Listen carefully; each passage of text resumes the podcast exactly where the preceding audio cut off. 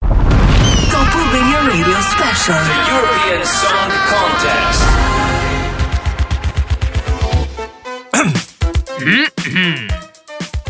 O, o, këndoj më më Po ço ço po i më.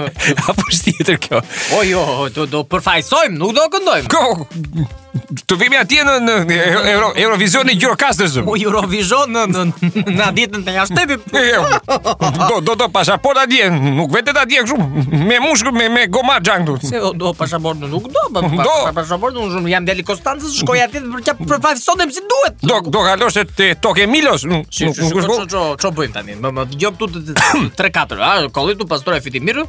Do këndoj një këngë. që të paraprim kush jemi ne. Po një. Ne me grupin Labardha Po? Do të përfaqësojmë Eurovision, Shqipërinë në Eurovision, po vitit që vjen, më kupton? Nuk bëhet llaf si. Edhe do ta për, përfaqësojmë do vëmë nga ato çana do nga ato që vihen në kokë. Ça, wow, wow. Po, po, po. Do i vëmë të tëra që të dukemi kështu si si evropianë, më thonë ata. Do i vëmë të tëra, qysh që janë ato rregullat e takëmet e atyre të tëra. Do gjë të la lajm tani. Kuptohet. Ne tani zon ti mbaj iso. A jep. Ne jemi grupi që do zgjidhemi me Eurovizionin në Shqipëri për herë të parë. Ec. 3 4 Yeah! A kujton ato net? Nuk janë se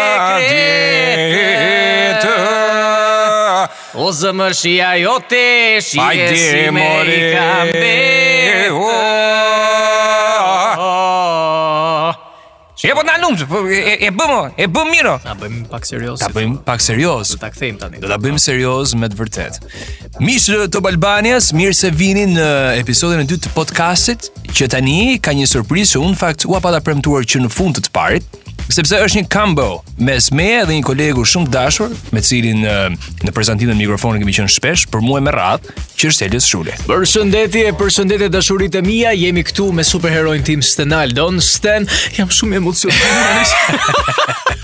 Kemi nja 700 vjet që s'bëhemi bashkë. Po më po më përqafon në mënyrë në mënyrë shumë shumë, shumë po, me pak me pak patate të ziera. Oh, yeah. Por një... është një Eurovision, fakt që ne të bëheshim së bashku, do të flasim sot në dy rreshta për këngët më ikonike në një mhm. farë mënyre, sa i përket përfaqësimit të Shqipërisë në Eurovision. Absolutisht. Duhet të thënë që Shqipëria ka plot 18 vite përfaqësim në Eurovision, 18 vite muzikë e mirë, 18 vite krijimtari origjinale që përfaqëson Shqipërinë jashtë kufinjve të saj, apo jo? Absolutisht. Pjesa e parë e këtij podcasti, Elio, si unë shpresoj mm -hmm. të ta mhm. kesh parë, ishte një këndvështrim i historisë së Eurovisionit i thënë në mënyrë të shkurtër pa diskutim dhe e, na çoi deri në vitin 1982.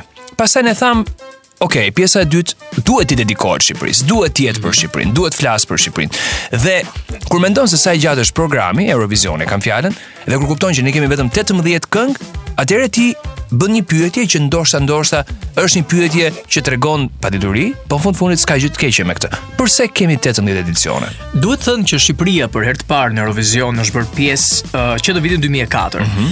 uh, sigurisht për të qenë pjesë e Eurovizionit, duhet të kalosh një farë testesh, duhet të kesh një farë historiku uh, muzikor, mm -hmm. një farë historiku po themi përgatitor, po ashtu, Po duhet të jesh edhe një vend i lirë, pa barriera komuniste, pa barriera ë uh, regjimi, të cilat Shqipërinë e kanë mbajtur larg nga gjithçka perëndimore. Një kjo dhe dyja dhe kushtet e krijimtarisë. Mm -hmm. Çka do të thotë edhe për këtë pajtohemi të gjithë që deri në vitin 2004, në fakt 2003, sepse kënga që është përzgjedhur i takon vitit 2003, Ekzakt. se duhet thënë që ne e bëjmë festivalin e fundvitit, Ë, pra në fundvit dhe në 2004 pastaj ti ke të drejtën për t'u thirrur kudo për të përfaqësuar Shqipërinë. Ekzaktësisht. Deri në vitin 2003, Shqipëria nuk kishte një marrëveshje mirëfilli me uh, po themi krijimtarinë europiane sa i përket mhm. Eurovisionit. Po. Në momentin që këto teste uh, këto kërkesa aprovohen dhe të gjithë kushtet mundësohen, Radio Televizioni Shqiptar merr ekskluzivitetin në festivalin e fundvitit për të na përfaqësuar në Eurovision. Pra gjithë risia për muzikën shqiptare, atë të lehtë siç quhet, ndodh në vitin 2003. Në vitin 2003, pra Shqipëria merr një farë forme tjetër. Muzika jonë tejçohet në Europë. Gjithë audienca do të ketë, le të themi, një dëgjesë ekskluzive të krijimtarive tona. Absolutisht. Dhe ne në fakt në këto minuta, në fakt në këto orë, do të përpiqemi të bëjmë një Një përqasje të përgjithshme të këtyre këngëve. Do përpiqemi t'i diskutojmë me ju, t'ju japim nga pak info për secilën këngë dhe këngëtar dhe t'i transmetojmë po njëlloj në Top Albania. Prandaj ky është një motiv më shumë se i mirë për të qëndruar me ne deri në fund. Unë them le të dëgjojmë këngën e parë. Le ta dëgjojmë. Bëhet fjalë për një zë që kur doli atëherë ishte një sensacion. Tani, ok, ikën kohët kur festivali i fundvitit dëgjohej duke uh, shijuar gjelin e fundvitit, uh, gjithë festën dhe begatinë që sjell tryeza. Tani më jo, është bërë një tjetër kulturë. Sigurisht, ndaj thashë që viti 2003 solli një risi sepse që nga viti 2003 neve funksionojmë për të qenë sa më përfaqësues në Eurovision.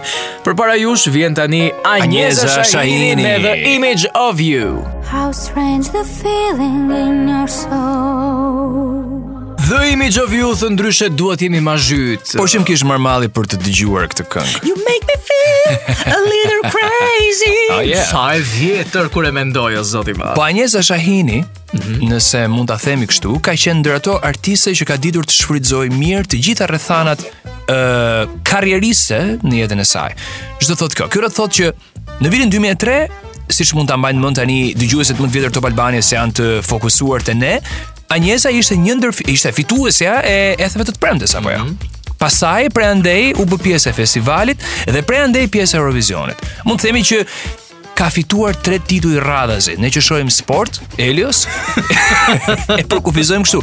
Dhe kjo është një gjë e mirë. Nga Anjeza mund të mësosh si shembull se si të bësh mirë në karrierën tënde. Është mos Pastaj ka patur edhe një zë të jashtëzakonshëm. Dhe vazhdon ta ketë mos nuk është po. aktive në muzikë për hir të familjes. Tani ja dy uh, po themi kuriozitete të vogla sa i përket krijimit të këngës. Are forca. Duhet thënë që risia e festivalit edicionit të 42 të RTSH-së mm -hmm. ishte që për herë të parë vendosi që të jepte zë të rinjve. Çka do thotë gjithë finalistët e Etheve kishin të drejtën të merrnin pjesë në festivalin e RTSH-së automatikisht për të bërë kështu pretendentët kryesorë, si me thënë, për të na përfaqësuar në Eurovision. U përzgjodh Anjeza Shahini, duhet thënë që në vitin 2004 në Stamboll ajo ka mahnitur të gjithë me zërin e saj, mhm. duke u rankuar e shtata sa i përket renditjes, pra për herë të parë Me herën e parë, Shqipëria rankohet e shtata në Eurovision. Pra është në top 10. Është më se e vërtetë. Kjo është shumë e rëndësishme. Në hyrjen e parë tonë në festival. Duhet thënë që kënga i përket rrymës elektropop, mm -hmm. e punuar nga mjeshtrat Agim Doçi dhe Edmond Zhulali, të cilët i përkisnin gjeneratës së vjetër, çka do thotë një brezi që ishte rritur në një farë mënyre në krijimtarinë uh, parademokratike, mm -hmm. që sjellin një këngë që për kohën ishte ekstremisht shumë e preferuar. E vërtetë.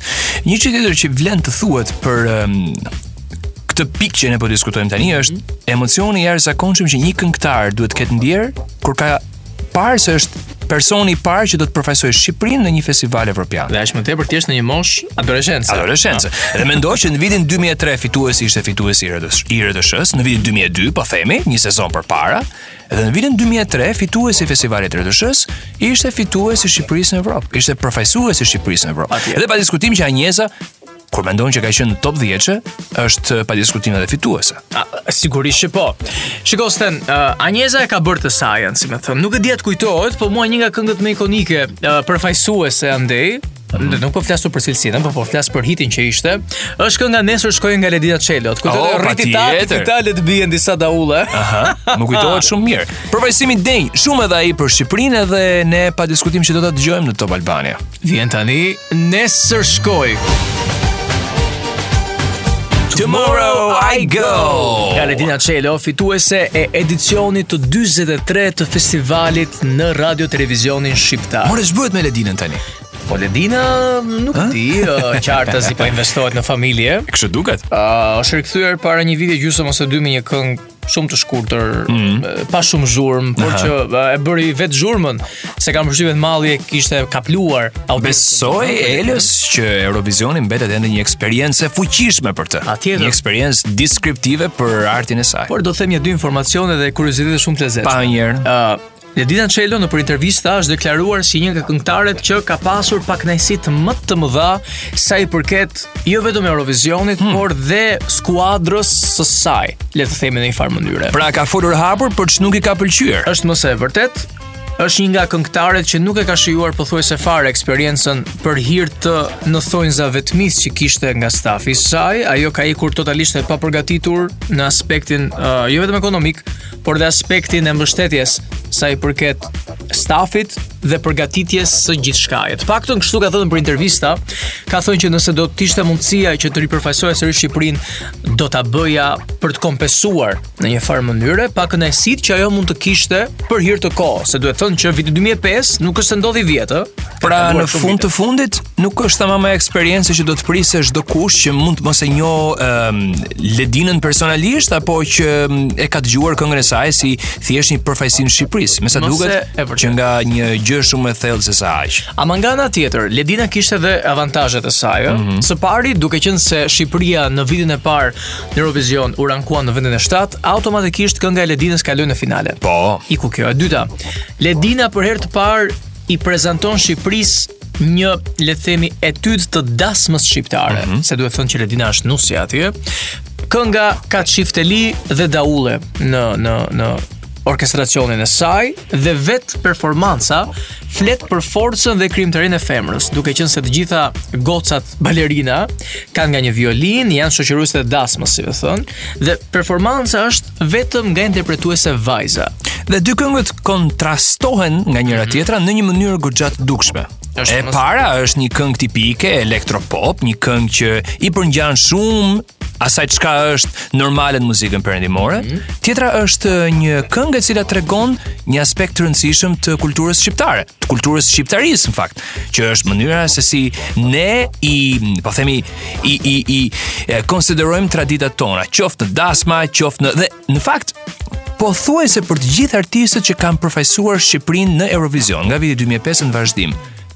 Shfaqja e traditës shqiptare në një mënyrë apo në një tjetër ka qenë pjesë thelbësore e krijimtarisë së tyre. Në fakt për të gjithë fansat e Eurovizionit, neve për këtë le të themi shquhemi. Atëherë unë dua të të bëj një pyetje. Vendosur etnon nëpër këngë. Jepi i dashur Stenal. A ka kjo një vlerë reale? A duhet domosdoshmërisht ne edhe mbas kaq vitesh të jemi kaq tradicional, mos vallë në një botë të globalizuar, mos vallë në një në një kontinent si kontinenti evropian? Kaq shumë uh, kulturë personale në këndvështrim shtetëror, është e panevojshme, mos vallë duhet të jemi më të zakonshëm. Në fakt se nuk e di të them këtë gjë dhe këtu nuk jam me mendimin tim personal, por në bazë të referatave që çdo fans i Eurovisionit bën dhe ka të drejtë të shprehë në media sociale. Sigurisht. Të gjithë këtë gjë thonë, Eurovisioni këtë ka për qëllim të promovojë kulturën e secilit vend. Shumica e fansave janë kundra uh, faktit që këngët janë në gjuhë angleze, Për mhm. hir të kuptimit të tekstit, shumica preferojnë që Eurovizioni të ketë unikalitet në secilin shtet, qoftë nga gjuha, nga materiali dhe gjithçka. Nga ana tjetër, vërtet jemi në botë globaliste.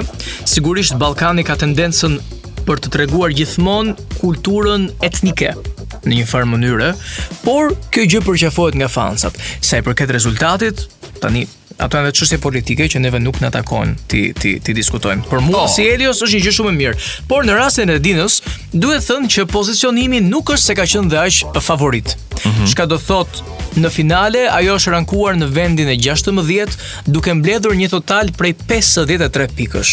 Gjithsesi duhet thënë që Ledina Çelo për Europën në ato vite dha një tjetër përfaqësi të vajzës seksi, të vajzës së bukur dhe të talentuar shqiptare. Çka mm -hmm. ishte një risi si me thënë për Shqipërinë, duke qenë se muzika shqiptare në atë kohë nuk është se ishte dhe aq shumë e njohur për audiencën. nuk na njihnin as si Shqipëri more. Nuk e dinin që dhe ne kishim filluar të perëndimëzoheshim. Ah sa bukur.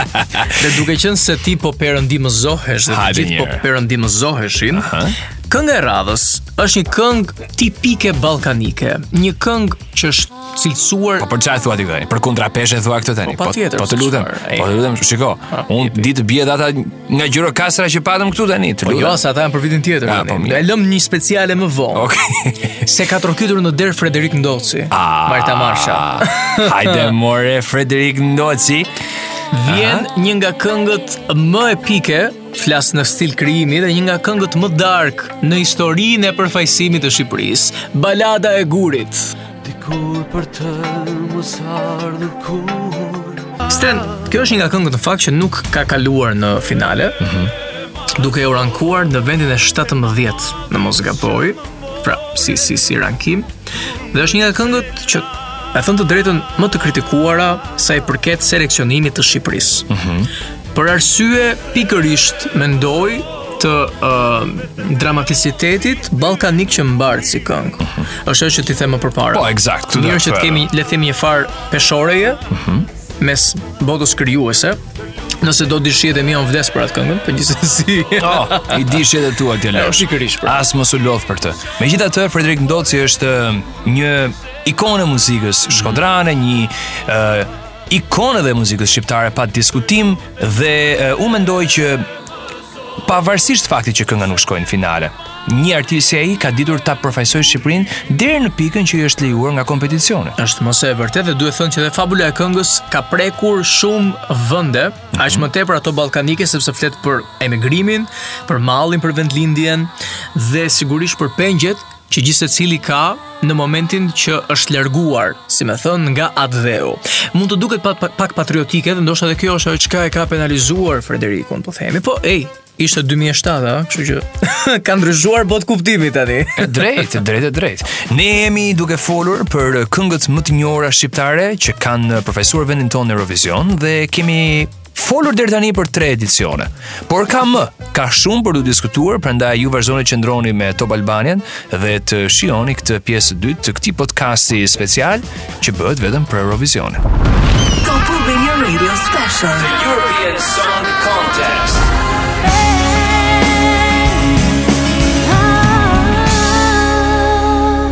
Jemi rikthyer, sa dëgjuam tani zemrën e lamë peng, Këngë e shkëlqyer kjo e Olta Bokës, e cila e përfaqësoi Shqipërinë në fe Festivalin Evropian të vitit 2008. E vërtet? E rëndësishme, këngë e bukur, këngë e cila flet për dhimbjen dhe atë çka dashuria sjell kur dy njerëz janë larg tyre. Mendoj që Olta në atë kohë ka qenë goxha e vogël, ëh, ndoshta ndoshta më pak se 18 vjeç, 17 diçka e tillë. 17 diçka e tillë. Po ka qenë e vogël. çka e bën dhe për herë të parë pjesëmarrësen më të vogël në moshë mm -hmm. në Eurovision sa i përket Shqipërisë. Por për fat keq kënga nuk pati një rankim shumë të veçantë, ndonëse ndryshe nga paraardhësja e saj shkoi në finale, mm -hmm. u rankua në vend të 17 vetëm me 2 pikë më shumë nga kënga e Ledina Çelos në edicionin më parë. Po duhet thënë që është një nga këngët që këndohet dhe mbahet mend ende sot e kësaj dite në po, për po. komente do të them ja dy gjëra të lezetshme, Shumica ose më saktë 90% e ndjekësve thonë që Albania was robbed dhe tjerë. Pra Shqipëria oh, ishte ishte vjedhur në një farë mënyre sepse kënga ka qenë vërtet një nga më të dëgjuarat e atij viti. Duhet thënë që është punuar nga Adrian Hila dhe Pandi Laço, çka e bën këtë skuadër pjesëmarrëse për të tretin vit radhazi në Eurovision. Ky është një kompeticion kompozitorësh, këtë nuk duhet ta harrojmë po njëlloj. Absolutisht, po të paktën në vendet ku ka ende një festival që seleksionon mm -hmm. muzikën, uh, po themi që duhet të përfaqësoj Eurovision. X vend në në Eurovision. Mos po. e saktë. Do të pyes, mm -hmm. ti kë ke pasur uh, si këngëtar më të preferuar kështu në përgjithësinë e jetë jetëve sa i përket Eurovisionit? Thua për për pjesëmarrjen. Pra. Oh. Unë mund të zgjedh këtu Eugent Bushpepën, i cili për mua është mm -hmm. është një këngëtar absolut, jo për mua, por për çdo njeri që mund të interpretojë sadopak muzikën është një këngëtar shumë i mirë, por um, edhe të tjerë kanë bërë goxha mirë. Kjo nuk diskutohet. Uh, pastaj shijet personale janë një gjë tjetër. Unë mendoj që kryesisht Shqipëria ka marrë rezultate të mira në Eurovision. që vitet e fundit absolutisht është rritur shumë edhe në numrin e pjesëmarrësve. Ju e dini që Eurovisioni është një spektakël i cili nuk njeh barriera gjeografike. Ne kemi Australinë që performon në Eurovision. Kemi Izraelin. Kemi Izraelin po njëlloj. Që ndoshta Izraelin e kuptojmë se e kemi një çik afër edhe janë në FIFA edhe në në në, në UEFA ndjesë, por um,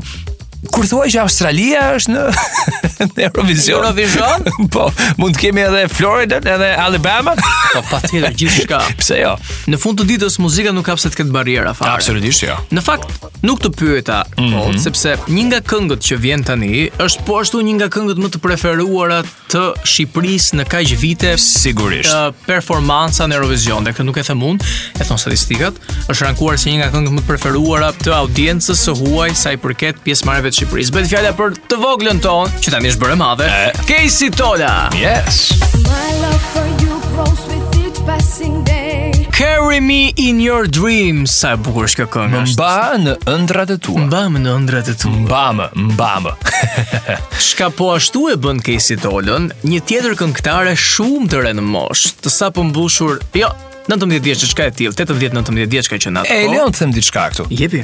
Ndoshta me përjashtim të zotit Ndoci, të gjithë përfaqësuesit e Shqipërisë deri në këtë kohë janë vajza të reja. Kjo mhm. është mm diçka për të thënë se kemi edhe Luiz Ejllin në vitin 2006. Po, e drejtë që meriton një përmendje pa diskutim.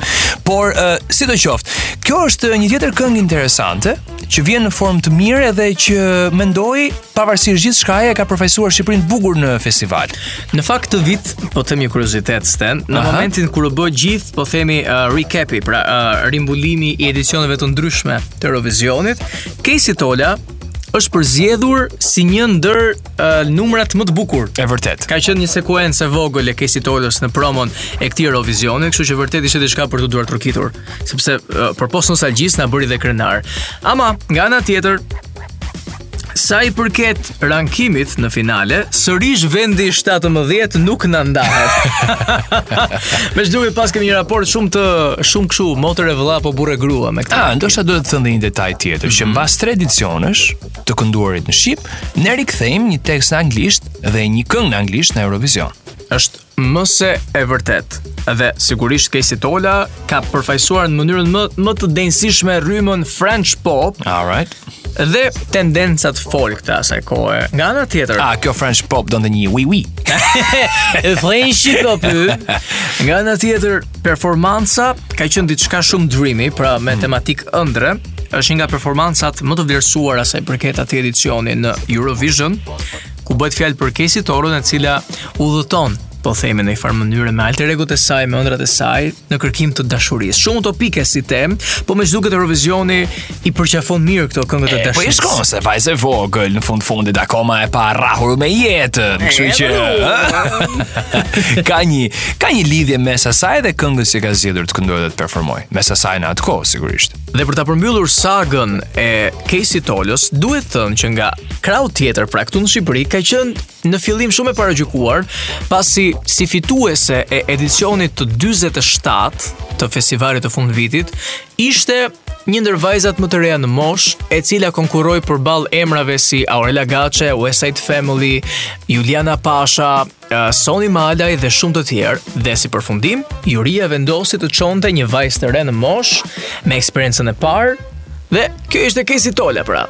Kënga e radhës do të na gjejë tek Juliana Pasha ama me ah këngën It's all about you. Pa, the things that I po. do. Jemi në vitin 2010. Në pesë edicione të Shqipërisë në Eurovision që ne i kemi përmbledhur deri më tani, u mendoj që përfaqësimi kryesisht është mjaft i bukur edhe i konsiderueshëm artistikisht Helios. Mhm. Mm dhe Kejsi Tola me atë rininë e vet që në fakt siç e thamë më përpara ka qenë një karakteristikë e atyre që ne kemi zgjedhur të na përfaqësojnë në Eurovision, fitoi një festival të komplikuar me konkurrencë të madhe, megjithatë Ja ku erdhi radha dhe e Juliana Pashës apo jo. Juliana Pasha, e cila duhet thënë që ka qenë një ndër artistet që e ka synuar Eurovisionin me vite. Mhm. Po ashtu, përpara se të fitonte, ajo ka marrë pjesë në vitin 2007, 2008, 2009, derisa op, erdhi momenti i saj. E eh? po, provo, provo. Dikur ja del. Duhet thënë që kënga është punuar nga Ardit Gjebrea, që është një figurë shumë e shquar e muzikës dhe po ashtu është rankuar në vendin a dhe do themi diçka të rëndësishme për herë të parë mbas disa vitesh vend të 17-të kemi një ndryshim në rankim sepse në finale ajo është listuar në vendin e 16 dhe kur e mendon që dy vende ose dy edicione përpara këtij edicioni vendi prapë ka qenë 16 Eh. Kështu që kemi kemi një kemi një rikujtesë më themi. Këto këto dy numra që nga numrat tanë në Evropë.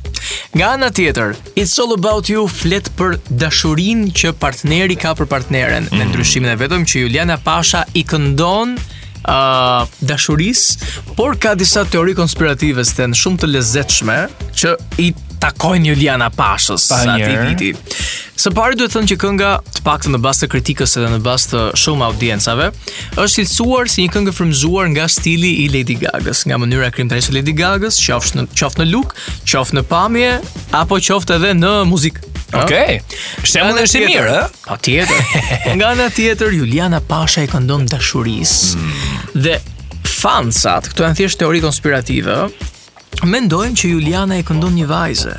Oh. Duke qenë se është frymëzuar nga stili Lady Gaga-s që në atë kohë Lady Gaga ka pasur këto difer këto le të themi pikëpyetjet për uh, seksualitetin e saj. Për më shumë ndjekim Juliana Pasha. It's all about It's all about you.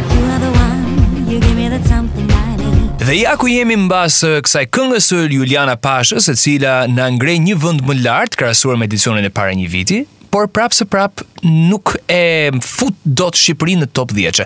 Tani kemi një tjetër këngë shumë interesante për të prezantuar, që edhe kjo e ka përfaqësuar Shqipërinë bukur, këndshëm, me një nga zërat, unë them, uh, më të bukur të muzikës moderne, post, uh, po themi komuniste shqiptare.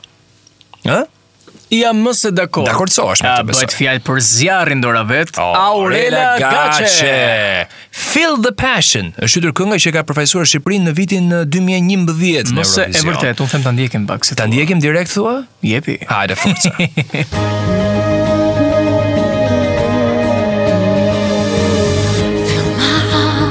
Feel the world beat Top Albania Radio Special. The European Song Contest.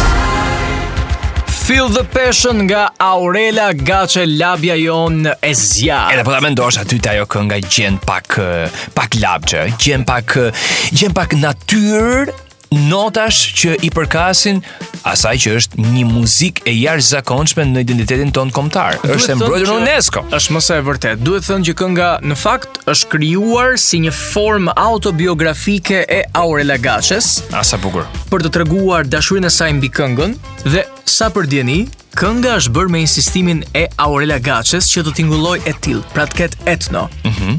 Duhet thënë që në fakt rezultati nuk ka qenë dhe aq i kënaqshëm, sepse kjo këngë nuk arriti të kualifikonte Shqipërinë në finale, duke e bërë këngën e Aurela Gaçes, këngën e tretë të cilën nuk mundëm dot ta shihnim në finalen e Eurovisionit, të paktën deri në këto vite. Nga ana tjetër, Aurela është vlerësuar për vokalin potent, për lukun, se atëherë kanë dalë në modë edhe këto flokët e kuqe. E vërtetë, e vërtetë. Që i solli Aurela Gaçe. Mm -hmm. Nga krahu tjetër, fituese e edicionit të 49 të festivalit të fundvitit. Duhet thënë që po ashtu, kënga ka një version jazz,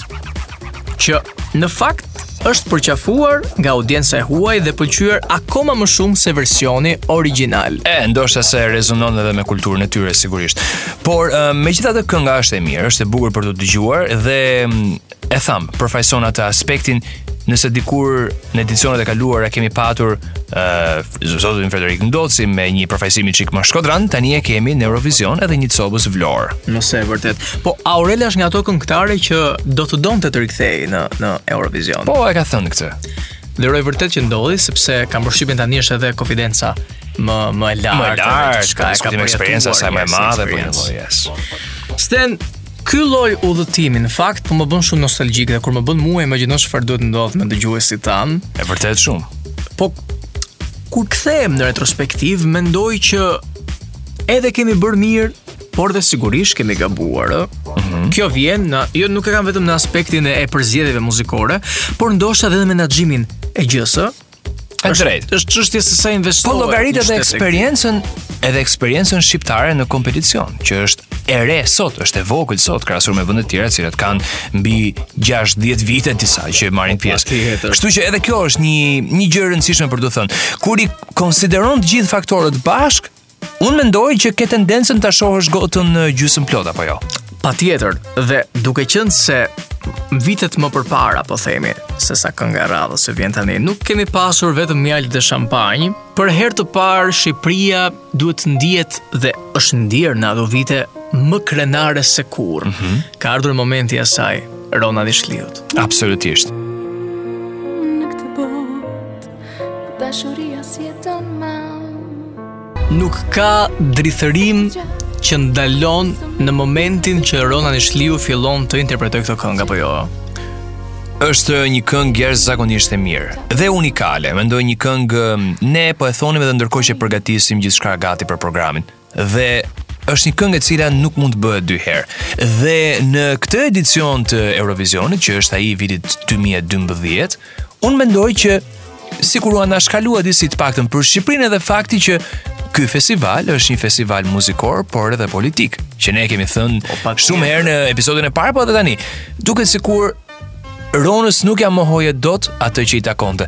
Pastaj, siç edhe shumë dëgjues e kujtojnë mjaft mirë, siç e dimë edhe ne që tani po flasim këtu në studio, kjo këngë ka koinciduar me një fatkeqësi kombëtare. Është më se e vërtet, në fakt kënga ka nisur si një dedikim i Rona Nishliut për një person familjar që kishte humbur jetën. Mm -hmm. Dhe në momentin që Rona performon këngën, ndodh fatkeqësia. në gjysmëfinalen e parë në Nëse e vërtet ndodh fatkeqësia dhe më pas kënga koincidon ose më sakt shkon si një thirrje uh, reflektimi si një vajtim real, si një si një si, vërtet si si një si një elegji, mm -hmm. do mhm. thoja, tamam, për fatkeqësinë. Duhet thënë që Rona Nishliu po ashtu ka reaguar në intervistat e asaj kohe për gjithë fatkeqësinë që kishte ndodhur, dhe është përpjekur që gjithmonë të jetë e kujdesshme në këndimin e këngës në mënyrë që të mos tejkalojë, po themi, ndjesinë e saj, por dhe të përcjellë dhimbjen që kjo këngë në vetvete përfaqëson. Është një nga këngët më të dëgjuara të atij edicioni dhe një nga këngët që është bërë ekstremisht në masë cover. Pra, nëse bëjmë një database të të gjithë renditjeve të këngëve të Eurovisionit, të paktën uh, në këto 20 vjet, uh -huh. kënga Suus është një ndër këngët që është bërë më së shumti cover nga fansa të ndryshëm të muzikës. E rankuar në vend të 5, siç tha dhe Senaldo, por shumë shumë shumë e paragjykuar në Shqipëri në momentin që u shpall fituese. Po, pra, po ç'është kjo këngë vaji, po ç'na duhet ne kjo, po ne na duhet një këngë me optimizëm, e me radhë me radhë. Ne na duhet një këngë e mirë. ta marrë mirë. Na duhet një këngë e mirë. Kjo përfaqëson denjësisht. Pastaj trajtimi apo fabula e këngës, unë mendoj që çdo vepër arti ka në qendër një emocion të caktuar dhe nuk është e thënë që ky emocioni të jetë gjithnjë major, të jetë gjithnjë pozitiv, optimist e me radhë me radhë. Mendoj që Rona Nishliu ka bërë një punë të shkëlqyer si përfaqësuesja jonë në Eurovision. Dhe ky është fakt, është pak por e sigurt. Do të kalojmë tani stent tek një këngë që ka Nuk e di, më kujton gjithmonë këngët e piratëve. Është një gjë kështu, sikur po udhëton në Piratët e Karaibeve me oh, Jack oh, yeah. Sparrow. Bëhet fjalë për Hersi Matmujën me këngën e saj Zemërimi i një nate, pjesë e edicionit të vitit 2014 në Eurovision Song Contest. Edo se do fjalë në fundit mos e mendo. Jemi tani gati për të folur për. Ti zemërimin nga mendja jote. Çdo më U, ke filluar ti mo? Ç'është ky kështu më? Ç'është ky djalë kështu? Kemi qartë ditë po këndoje, po thjesht po e po, bëja kap. I këmore tani. Ja, ja, ja, kështu këndon ky. Kështu këndon ky, Jadini, mos e prenotoni nëpër dasma. E zeza, e tmerrshme. Le të rikthehemi në temë. Le të rikthehemi. E lamë tek Zemërimi i një nate. E lamë aty. E lamë aty tek kënga e një vajze shumë interesante, Hersi Matmuja, e cila e, ka bërë një Eurovision interesant ndonëse kënga nuk ka mundur të shkojnë në finale. Mm -hmm. Për shembull, kjo këngë në fakt kjo këngëtare, por edhe kjo këngë. Këngëtarja një herë që t'i ndajmë gjërat, konsiderohet si një ndër më të rregulltat në provat e festivalit. Shumë e saktë, shumë e intonuar, shumë e kujdesshme, që janë gjëra të rëndësishme, ëh. Patjetër. Unë mendoj shpesh që në momentin që ti uh, je në këtë mëdyshjen, do kalosh në finale ose jo, provat janë një tregues shumë i rëndësishëm, sidomos provat vokale. Dhe Hersi Matmuja është cilësuar si këngëtarja më e saktë vokalisht e atij edicioni. Po për hir të politikave dhe shumë gjërave të tjera, kënga nuk arriti dot të klasifikohej në finale. Nga krahu tjetër, në Shqipëri, pra në edicionin që Hersi ka fituar, kanë tentuar sërish konkurrimin për në Eurovision si Luiz Ejlli, si Frederik Ndoci, të cilët e përfaqësuan Shqipërinë përkatësisht në vitet 2006-2007, por duke rezultuar jo finalistë. E drejtë e drejtë. Edhe kënga në fakt është cilësuar si nga më të mirat e Shqipërisë në Eurovision. Është konsideruar goxha edhe nga publiku, megjithëse ndonjëherë ose për fat keq edhe nuk e mohojmë dot këtë. Shpesh herë më të mirët nuk se janë domosdoshmërisht fitimtarë. Jo, patjetër, në fund të ditës muzika është subjektive edhe për juritë për po, mendimin tim. Po, absolutisht po. Po kjo këngë e radhës uh, nuk mendoj që ka një njeri që thotë të kundërtën sepse në ato vite dhe vazhdon të jetë edhe sot e kësaj dite një super hit Një nga këngët më të suksesshme të Shqipërisë sa i përket dëgjueshmërisë. Bëhet fjalë për I'm Alive nga Elhaida Dani. Një nga këngët e mia më të preferuara personalisht sa i përket historisë së Eurovisionit, punuar nga Zzap n Chriss dhe Darko Dimitrov. Pra, për herë të parë në historinë e Shqipërisë në Eurovision kemi përfaqësues si producent nga Kosova, por dhe nga Maqedonia e Veriut. Shumë interesante. Duket sikur gjithë shqiptaria ka qenë pjesë e këtij Eurovisioni. Por, akoma edhe më mirë, për të thënë kështu, duket sikur gjithë diaspora e Shqipërisë ka qenë e përfaqësuar në këtë Eurovision. Pse? Sepse Elhaida Dani ndërkohë ishte fituese e The Voice mm -hmm. në mhm. Itali. e një talent show i cili është popullor kudo, po kur mendon që bëhet fjalë për një vend si Italia, atëherë gjërat kanë edhe një përmasë akoma më të madhe. Por në Eurovision nuk është se bëri impaktin që prisim ne nga kënga dhe nga Elhaida, nuk e di si e mendon ti. Ta shpjegoj unë arsyen pse. Fatkeqësia e goditi Elhaidën mund ta quajmë kështu në një aspekt uh, letrar, sepse Elhaida ka qenë sëmurë sa i përket performancës së saj. Mm -hmm. uh, në mos gaboj me një uh, virozë, ku në të gjitha provat, në të gjitha netët, pra të dy netët që performoi, ka qenë me grip dhe nuk ishte në potencialin final vokal, duke bërë që Elhaida, një nga këngët më të suksesshme të atij edicioni, të rankohet në finale në vendin e 17. Po, nga krahu tjetër, një kuriozitet. Elhaida Dani është këngëtarja e parë shqiptare e cila ndërron këngën përfaqësuese për Eurovision. Sa i përket festivalit në radio televizion, ka fituar me këngën Diell, kompozuar uh, nga një kompozitor i muzikës klasike, mm -hmm. por vendos të ndërrojë këngën me në materialin Eurovision, drejt. Patjetër me materialin I'm Alive, çka e bën të kritikuar nga audienca këtu. Për shembull, mbaj mend kompozitorin Genti Lako, i cili ka bërë një status në Facebook të asaj kohe, kur fitoi kënga ime pra me Hersi Matmujën i vitin përpara, më mallkuan dhe nuk donin që ta gëzoja.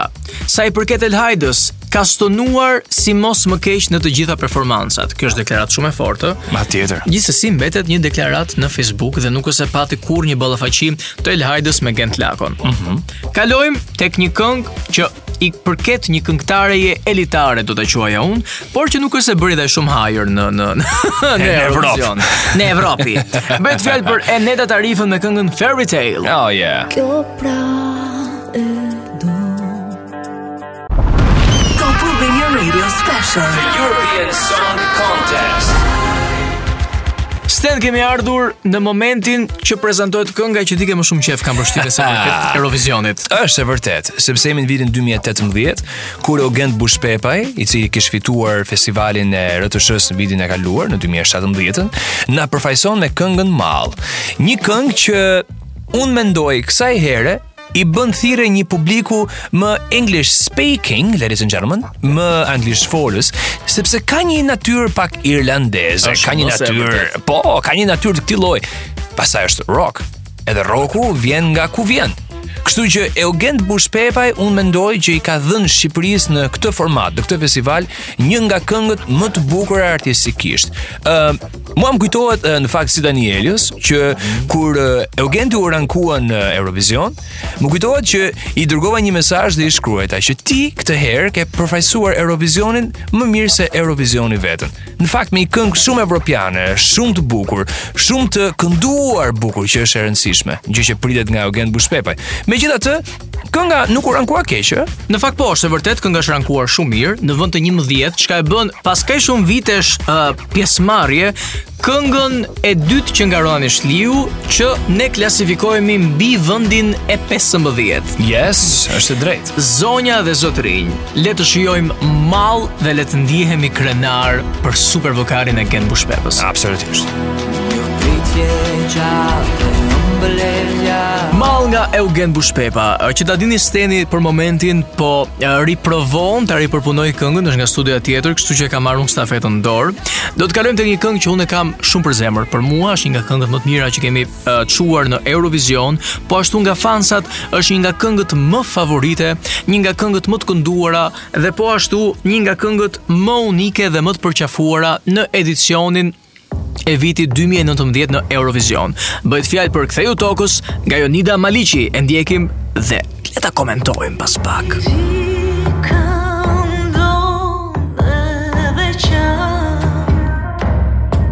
Ktheju tokës nga Jonida Maliqi. Oh yeah! Po erdhe ti mo? Erdha mo. Nuk ja dole dot. Këtu poshtë tavolinës isha. Shiko, nëse ti do të tentoje të ripërpunoje Mall, Ktheju tokës është totalisht dora ime, që ta dish, po, po, sepse është jo nuk po ah, ik. Po mirë, mirë. Sepse ka etnon brenda, ka dramën, ka gjithçka. Është drejt. Pastaj Jonida Maliqi e meritonte një përfaqësim të Shqipërisë në Eurovision. Patjetër, duhet thënë që yeah. kjo këngë shënoi rikthimin e Jonidës jo vetëm në media, por dhe në këngë. Mm -hmm. Shumë vite kishin munguar që nga materiali i saj i fundit, duke qenë se ishte përkushtuar mëmësisë, në fakt Jonida nuk ka dashur të marrë pjesë fare sa i përket festivalit. Një deklaratë që ka bërë për shtyp në atë kohë, ka thënë që unë e kam mbyllur me festivalet, nuk kam ndërmend të marr më pjesë, por ishte këmbëngulja dhe kënga fantastike e Eriona Rushitit që njëkohësisht ka qenë dhe pedagogja e Jonida Maliqit, yes. që më bëri të marr pjesë dhe të ripërjetoj dhe një herë emocionet e skenës. Thotë Jonida. Patjetër. Yeah. Unë ndërkaq. Pa pa pa. Duhet thënë që kënga në finale është rankuar në vend të 17 për të vetmen arsye që ngjallte tendenca uh, nuk do thoja nacionalizmi, por shumë patriotike. Mm. Dhe duke qenë se qartazi Eurovisioni ka, le të themi ato politikat e tij, është penalizuar si këngë. Ndërkohë, ka qenë shumë emocionues publikimi i videos së shumë njerëzve që këndonin në turmë në shqip këngën Ktheju tokës. Duhet thënë që atë vit edicioni është realizuar në Izrael. Pra imagjino një ushtri izraelitësh që këndojnë shqip Ktheju tokës. Yeah. Fantastike. Fantastike, shumë fantastike. Sa i përket këngës që do të vijë tani, unë mendoj që është një nga këngëtaret më të mira shqiptare që kemi. Bëhet fjalë për Arilena Arën me këngën e saj Shaj ose ndryshe uh, Fall from the Sky, por që seç ndodhi një fatkeqësi, eh. mor, mor, është ai viti i tmerrshëm që të gjithë e kujtojmë. Shaj. Nuk e di a t'ka ndodh Shaj nga Arilena Ara Yeah, një këngë um, interesante e mirë Por uh, një këngë që e ktheu fatin kundër Arilenës, duhet thënë kështu, sepse ne tani jemi në një vit që fillon një vazhdë fatkeqësish kombëtare dhe botërore, them kombëtare sepse patëm një tërmet diku nga fillimi. Mm -hmm. Ajo e filloi për ne këtë këtë çmenduri. Një fatkeqësi që në një mënyrë apo në tjetër vazhdon akoma me luftën si kapitulli i tretë në të. Ç'të themi për për për uh, Arilenën, atë është dorën shumë e mirë, është fik. Fantastike. Unë mendoj që është një nga pengjet e Shqipërisë që Arilena nuk vendosi të përfaqësonte Shqipërinë në momentin që e, uh, Eurovisioni u riorganizua. Për herë të parë prej pandemisë Eurovisioni Në atë vit, pra në vitin 2020, nuk është organizuar, është hera e parë që ndërpritet Hera. Në gjithë historinë e tij. E vërtetë, nga krahu tjetër, shumë njerëz thonë që Arilenën e zuri mallkimi i Elvanës. Është thjesht një teori konspirative, sepse në fakt, në vitin ku kanë marrë pjesë si Elvana, si Arilena, të dyja kanë qenë kokë më kokë për të fituar, me një diferencë shumë të vogël pikësh, Por, ishte fati i Arilenës të ngrinte kupën e festivalit të radiotelevizionit, ama nga krahu tjetër nuk qe fati i saj që të tejçonte zërin në skenën e Eurovizionit. Për këtë, sigurisht, do të falenderojmë Covidin, Covidin also known as Corona e të tjera e të tjera e të tjera. Seç bëjmë shaka, gjithsesi siç unë thashë, për mua është pengu i Shqipërisë Arilena që nuk nuk ka marrë pjesë pra. Ama ki parasysh një gjë, Arilena është një artiste ndërkombëtare. e ka ndier ç'do të thotë të jesh ndërkombëtare. Kështu që besoj të paktën, të paktën ka këtë për t'u ngushëlluar. Këngëtarja që vjen tani, që është dhe parafundit në listimin e performancave më të mira të Shqipërisë, është quajtur si La Diva, një nga këngëtaret më karizmatike të edicionit të vitit 2021, bëhet fjalë për Anxhela Peristerin me super materialin e saj Karma. Zoti nuk ma fal. Kjo ishte Karma nga Anxhela Peristeri. Këngë që u vendos e 21-ta, u rankua e 21-ta në 2021-shin. Në vitin e shpresës, duhet thënë kështu, në vitin i cili i tregoi botës se gjërat mund të riktheheshin pak a shumë si më parë. Dhe kënga në fakt është shumë e mirë nga pozicioni që ka në rankime sepse kur vjen puna te matja e klikimeve, është ndër këngët më të klikuara, të atij edicioni pa diskutim, dhe këtë vit, Në 2022 Anxhela Peristeri është konsideruar si këngëtarja ose një ndër këngëtaret me vokalin më të mirë, një ndër pesë këngëtarët që është një goxha arritje, nganjëherë edhe më shumë se sa rankimi ose po them kjo arritje veçanërisht e vendos rankimin e këngës së Anxhela Peristerit në vend të dytë. Është më se e vërtetë në fakt Kënga Karma është një nga këngët më të famshme të Shqipërisë, uh, jo vetëm sa i përket klikimeve, por edhe në po themi platformat ku dëgjohet muzikë online, pra në shkarkime, në blerje e të tjerë. Sa i përket këngës së fundit, bëhet fjalë pra për Ronela Hajatin, ë? Le të vijë tani sekret. Sekret, let's go. Ç' mund të themi për këtë këngë. Ti e di Sten që unë vdes lujë mas kësaj kënge. E di. Uh, e di shumë mirë. Një nga fatkeqësitë më të mëdha të Shqipërisë Nuk e di se çfarë ndodhi që kjo këngë nuk pati dot mundësi të kalojë në finale. Mm.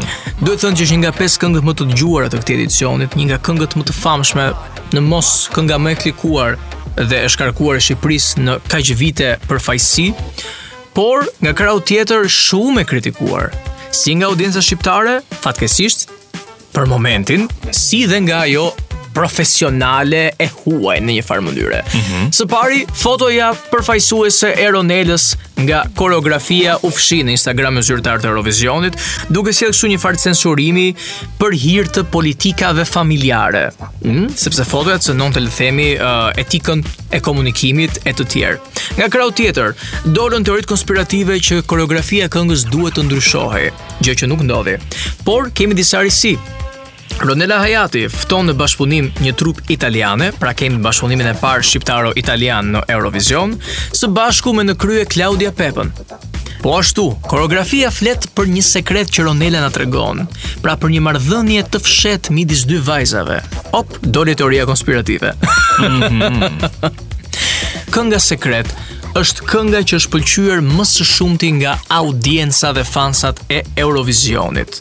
Shumë video kanë shoqëruar Ronelën me fansa që e këndojnë në shqip. Po ashtu, një ndër grupet dhe një ndër konkurrentët e këtij edicioni ka krijuar versionin e tyre cover të këngës Sekret, çka na bën shumë krenarë apo jo. Patjetër. Dhe një kuriozitet i fundit, kënga vërtet ka nisur si produksion në Shqipëri,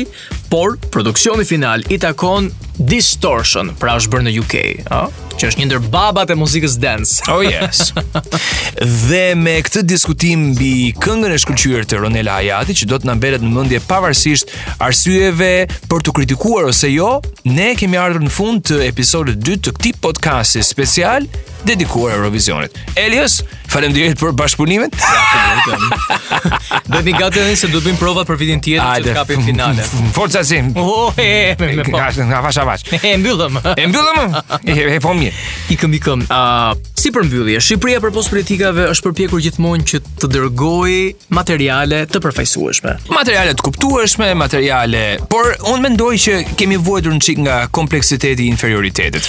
Gjithsesi, ne nuk jemi këtu për të gjykuar, këtë jo, shijojmë muzikën e mirë dhe le të jemi falënderues për çdo artist që ka tejçuar zërin dhe muzikën e Shqipërisë në Europë. Po bëhemi gati për këngën që do ta përfaqësojmë ne vitin tjetër. Grupi La Pardas nga unë dhe nga Stes Trenalua, mm. mirudëgjofshim në miru të tjera. Mirudëgjofshim. Shijojeni mbrëmjen. Top Albania Radio Special. The European Song Contest.